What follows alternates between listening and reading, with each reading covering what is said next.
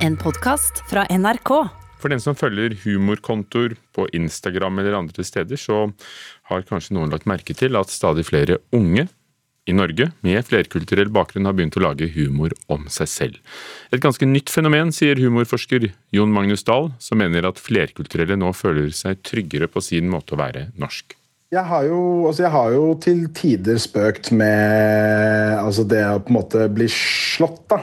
Og da er det som oftest sånn, den klassiske mimen med å på en måte bli slått med sandal da, av mor eller far. Hvordan er det å være ung i spagat mellom to kulturer? 26 år gamle Jawad al-Bakali fra Haugenstua i Oslo tar utgangspunkt i nettopp dette når han lager humor på Instagram. Humoren er mest sikta inn mot uh, unge med innvandrerbakgrunn som er oppvokst på 2000-tallet. Norsk-marokkaneren savnet humor som han kunne kjenne seg igjen i. Og resultatet ble kontoen utlending.memes med drøye 50 000 følgere. Instagram er jo mer og mer en slags sånn livsstilsmarkør. ikke sant? Man viser hvem man er gjennom Instagram, og hva man følger og hva man deler. Jon Magnus Dahl er humorforsker. Ifølge ham har det blitt flere slike kontoer de siste to årene. Dermed er jo den typen humor som jo handler om å skape det, og uttrykke kulturelle identiteter og kanskje skape og styrke de identitetene, er jo veldig velegna til å plassere på Instagram. Hvis det er godt lagd, og det synes jeg jo f.eks. både utlendinghumor og utlendingmemes er jo veldig godt lagd. De er gode. De som står bak det, er veldig flinke til å, lage opp, flinke til å gjøre observasjoner og gi det en god komisk form. Dahl sier humoren som lages nå er annerledes enn før, da mye handlet om flerkulturelle som gangstere eller andre klisjeer. Er dere på godt humør, eller? Det er helt vanvittig. Det er helt vanvittig. Veit dere hva, eller? Dere er dritrike. Og da blir dere så stressa når vi kommer inn i Norge. Dere bare Å, shit, shit, shit. ikke sant? Å nei, utlending kommer, skal ta jobben vår. Sånn hørtes Lisa Tønnes flerkulturelle rollefigur Ali Reza ut på midten av 2000-tallet. Det var bare masse stereotypier som nordmenn bare tror på om innvandrere generelt, men ingen uh, ingen gode observasjoner, liksom. Eh, ingen, det var lite gjenkjennbart. Eh, det var tydelig at det var lagd på nordmenns premisser. Men så skjedde det en endring da seriene Kongen av Gulset og Svart humor kom for noen år siden. Hæ? Har han snitcha? Dessuten har han nye venner som drikker alkohol. Haram! Når man er 13 år, så er ca. alt man gjør, haram for somalisk mor. ikke sant? Og når haram-alarmen går, det må man gjøre da, da må man ta en kompis og kaste han inn i bussen. Det var jo først etter at uh, dette, denne profesjonelle humoren ble produsert og sendt, at disse memes-sidene og Instagram-sidene uh, som ofte kaller seg utlendinghumor eller utlendingmemes, begynner å dukke opp. Så det virker som om det ble åpna for det i den profesjonelle komikerverdenen før det ble en slik folkelig internettradisjon. da. Dahl får støtte fra film- og TV-anmelder og programleder Sandeep Singh. Selv om det er interne fakter der, så, så er ikke det en negativ ting. Du inviterer flere folk til å bli med på den internvitsen. Nå har vi selvtilliten til at uh, disse vitsene her fortjener en større plass. Før i tida så var det Tror jeg kanskje vi ble følte oss litt tråkka på av at komikere som liksom skulle representere oss, minoritetsgruppene, eh, vitset eh, om oss for majoriteten. Mens nå vitser vi om oss selv for oss selv. Og derfor passet det veldig bra at Shark hadde begynt å leke med White Boys. ikke sant? For alt Shark gjorde på den tiden her, var haram. يونس تحب هل نكون نقف قمر عبهانس مين نوحو حرام jeg vet nei nei bra Jonis bra Reporter Munever Gildis. Hvor mange norske regissører har du hørt om som jobber med de helt store amerikanske seriene? Ikke så mange kanskje, men nå skal vi møte en som gjør nettopp det. Og serien eh, den det handler om er Your Honor, med skuespilleren Bryan Cranston som hadde hovedrollen i den kjente serien Breaking Bad. Vi skal høre litt fra starten.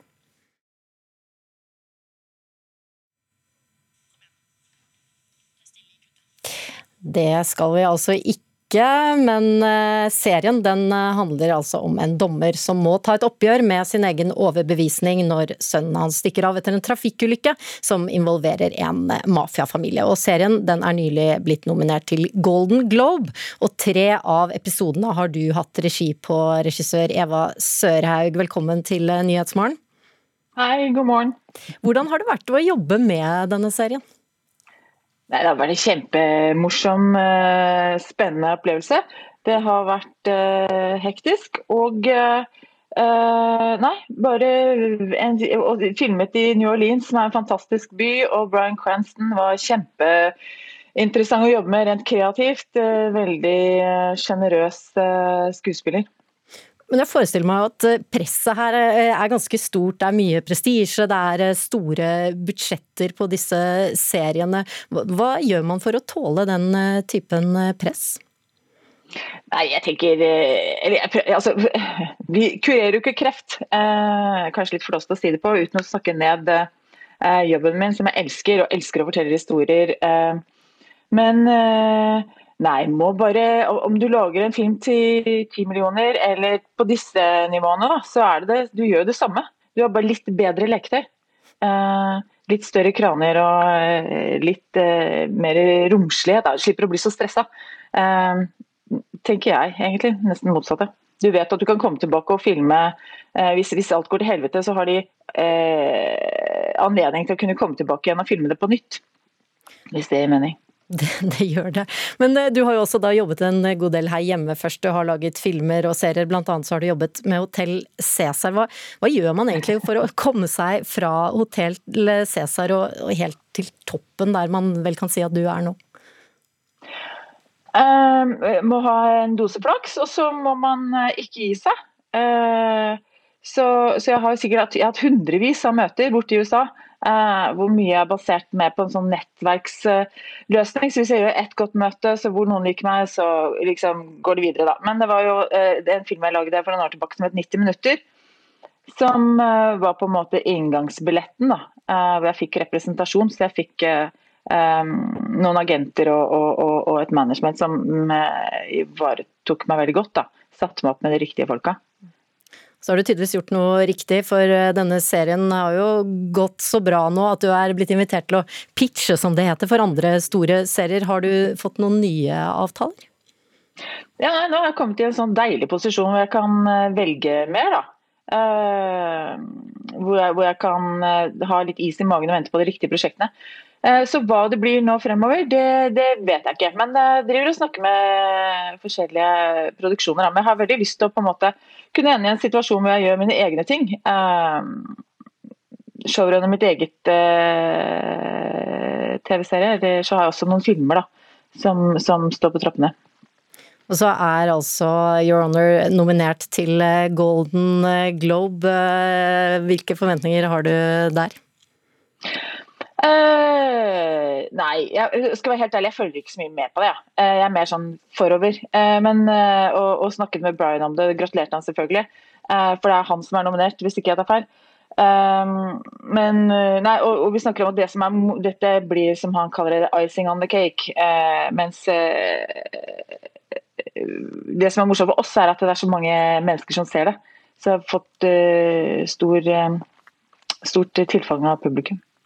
Jeg ønsker jeg lykke til, og takk for at du var med, regissør Eva Sørhaug, som har uh, regissert tre episoder av serien Your Honor. Thomas Hylland Eriksen er en av de kanskje mest kjente professorene i Norge. Det er antropologi han driver med, og ikke minst fikk boken han kom med for 20-20 år siden mye oppmerksomhet, 'Øyeblikkets tyranni', om internett og hvordan internett påvirket livene våre. Mye har skjedd siden da. Ikke minst har vi fått smarttelefonen, og dermed har Thomas Hylland Eriksen gitt ut oppfølgeren. Appenes planet. Leif Ekle, litteraturkritiker her i NRK. En bok om den telefonen som de fleste har med seg overalt. Er det sånn å forstå? Det er nok ganske riktig oppfatta, ja. Eh, som Hylland Eriksen skriver i boka, så går vi alle sammen i dag omkring med hele internett i lomma, som om det var den mest selvfølgelige ting av verden. Han var innom her eh, i forrige uke, og da sa han at dette er en revolusjon på linje med, med dampmaskinen eh, for samfunnet. Hva er innfallsvinkelen hans? Er han like bekymret for konsekvensene og avhengighet av skjermer osv. som andre kan være? Ja, altså selve innfallsvinkelen er kanskje det mest interessante ved hele boka. Uh, Hylland Eriksen skriver i innledningen at han ikke ønsket å forsvare en bestemt posisjon når han skulle diskutere denne lille nye dingsens, eller ny og ny, vi har hatt den en stund, men denne dingsens verdensherredømme. I stedet så er han drevet av nysgjerrighet, sier han, og ikke av bekymring. Og det utgangspunktet fungerer nok ganske godt. Og hvordan løser han det oppdraget da han ga seg selv? Ja, altså Boka er for det aller meste skrevet under kapitteloverskrifter Hylland Eriksen har formulert som et par av motsetninger. Som her og der, da og nå, få og mange, nødvendig og overflødig. Eh, det er jo en metode da, som åpner for både tvisyn og ambivalens, altså for og imot. Og hva blir det mest av? Det blir vel kanskje mest eh, for, faktisk. Hyllan Hylland Eriksen avviser på ingen måte at smarttelefonens dominans har mange problematiske sider. Men som den antropologen han er, så leter han jo også etter de andre sidene av historie, historiene da, utenfor vår kulturkrets også. Og Dermed så får leseren bl.a. svært interessante innblikk i hvor radikalt eh, vår vestlige bruk av telefonen skiller seg fra f.eks. flyktningens. Mens vi er bekymra og har slett samvittighet, så er flyktningens vei fra krig og elendighet totalt forandra. Og man kan spørre seg da, som Hylland Eriksen gjør, hvordan fant de fram før til ruter, altså reiseruter, hjelpere og kontakter før denne smarttelefonen? Og hvordan holdt de kontakt med slekt og venner, f.eks.? For det han gjør, er at han trekker frem en rekke paradokser. Eh, vi er blitt smartere og dummere, rikere og fattigere, får mer tid og, og, og, mindre tid. Så det er vel ingen entydig positiv konklusjon eh, Thomas Hylland Eriksen bringer til torgs? Nei, eh, det er det ikke.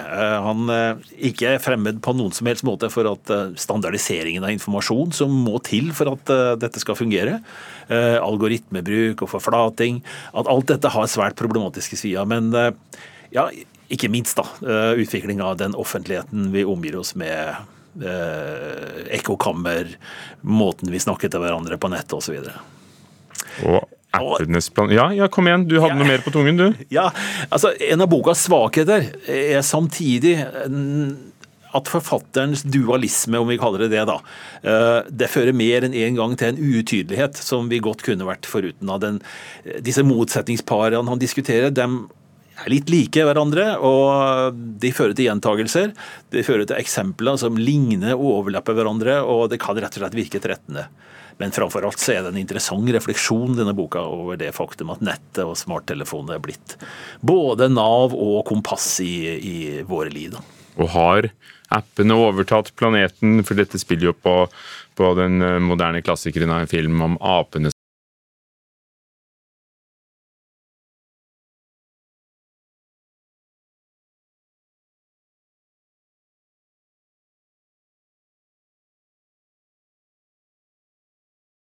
Human, internasjonale dokumentarfilmfestival, nærmer seg, og nå er programmet for festivalen klart, kulturreporter Hedder Ørbekk Eliassen. Ja, og den filmen det kanskje er størst forventninger til, er filmen 'Generasjon Utøya'. En 90 minutters dokumentarfilm som tar for seg tiden etter Utøya.